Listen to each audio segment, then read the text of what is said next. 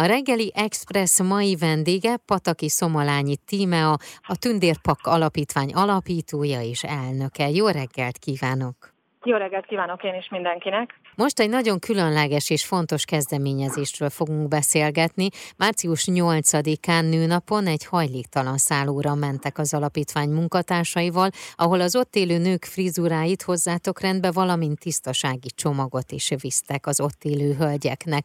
Mielőtt belekezdünk ebbe és erre az eseményre felhívjuk a figyelmet, egy picit mutas be nekünk a Tündérpak alapítványt, hogy mi hozta életre, mi hozta létre ezt az alapítványt, és mi a küldetése. Az alapítvány az hatodik éve működik, egy véletlen adományozásból lett az alapítvány. Hadas Kriszta keresett meg, hogy a kislányomról megmaradt babakelengyét, gyermekruhát oda tudom-e adományozni egy Szegeden élő kismamának, aki egyedül maradt a pocak lakójával, meg a kislányával, és hogy nagy segítség lenne számára, ha oda tudnám adni. Én addigra odadományoztam a babaruhákat ismerősöknek, viszont a Facebook oldalamra kiírtam, hogy babakelengyét keresek egy rászoruló anyukának. Ez annyira nagyon jól sikerült, hogy rengeteg minden érkezett, amit a Hadas Kriszta leforgatott, jön a Baba Hadas Kriszta második évadja Evzen részében.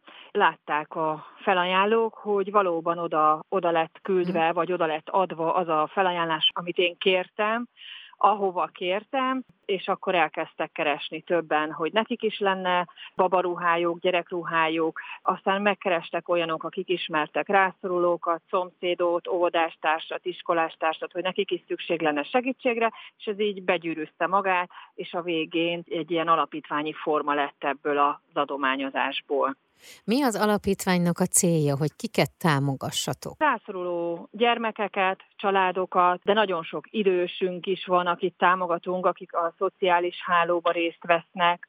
Mindig jönnek különleges kérések, mint a mostani is. Ez is egy véletlen kapcsán született meg. Tehát azoknak, akik szociálisan rászorultak, őket próbáljuk támogatni. Beszéljünk akkor most a március 8-ai eseményről. Ez úgy történt, hogy megkeresett minket egy fodrászüzlet, hogy bezárnak, és a festékeiket fölajánlanák nekünk, vagy elvihetjük, ha akarjuk, és mi nem akartuk ezt a festéket a szemétbe kidobni, hanem mivel kapcsolatban vagyunk hajléktalan szállókkal, krízisszállókkal, sokszor viszünk oda ruhaneműt, hűtőt, élelmiszert, így én megkerestem az egyik hölgyet, aki ott dolgozik, hogy mit szólna hozzá, ha ezeket a festékeket felhasználnánk, és egy eseményhez hozzá csatolnánk, vagy, vagy csinálnánk egy ilyen szépítő napot az ott élő hölgyeknek, és az igazgató is mindenki nagyon nyitott volt erre, és pont a március 8-át választották ki, akkor erre felépítvén mi viszünk tisztasági csomagot,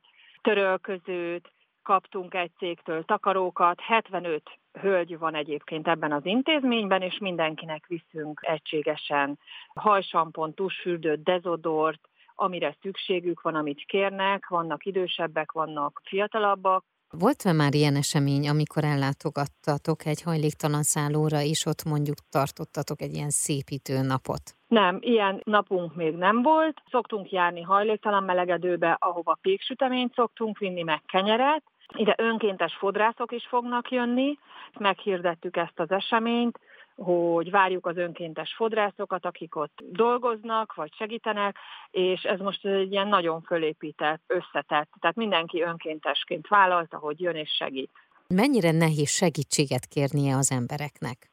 Hát az biztos, hogy segítséget kérni nehéz. Én is voltam szorult helyzetben, neveltem egyedül a nagyobbik gyerekemet, és én is benne voltam a család gondozó látókörébe, nagyon nehéz segítséget kérni, főleg akkor, hogyha dolgozol, mert ugye akkor nem gondolják rólad, hogy rászoruló vagy, de mire kifizeted az albérletedet, a rezsidet, megveszed a bérletet, meg befizeted a gyereknek az étkezését, és elfogy a pénzed hónap végére, akkor igen nehéz azt mondani, hogy akkor be kell mennem a családsegítőhöz, és valamilyen segítséget kell kérni. Nagyon kevesen kérnek.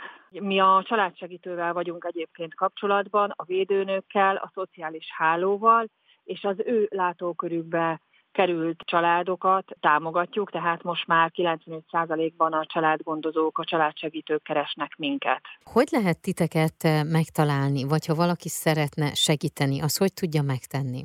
A Facebook oldalunkon a Tündérpak Közhasznú Alapítvány néven találnak meg. Van egy weboldalunk, tündérpak.hu. A raktárhelyiségünk Zuglóban a Nagy Lajos királyútja 179 szám alatt található. Ide is várjuk a tárgyi és az egyéb felajánlásokat, gondolok itt tartós élelmiszerre, tisztasági csomagokra, bármire, amit otthon már nem használnak, de mi még oda tudjuk adni a családoknak, konyha felszerelés, pohár, tányér, de törölközőket, ágyneműket, függönyöket, ruhaneműt, felnőtt ruhanemű, gyermekruhanemű, tehát minden fogadunk, ami még használható. Ami a legfontosabb, hogy nagyon kevés tartós élelmiszert kapunk, azzal is tudnak bennünket támogatni személyesen, vagy el tudunk érte menni és mindig kirakjuk az oldalainkra, hogy hogy vagyunk nyitva. Uh-huh. Érdemes előtte érdeklődni, telefonálni, mert egy héten kétszer szoktunk csak nyitva lenni, mert ott is önkéntesekkel dolgozunk, vagy önkéntesek segítik a munkánkat.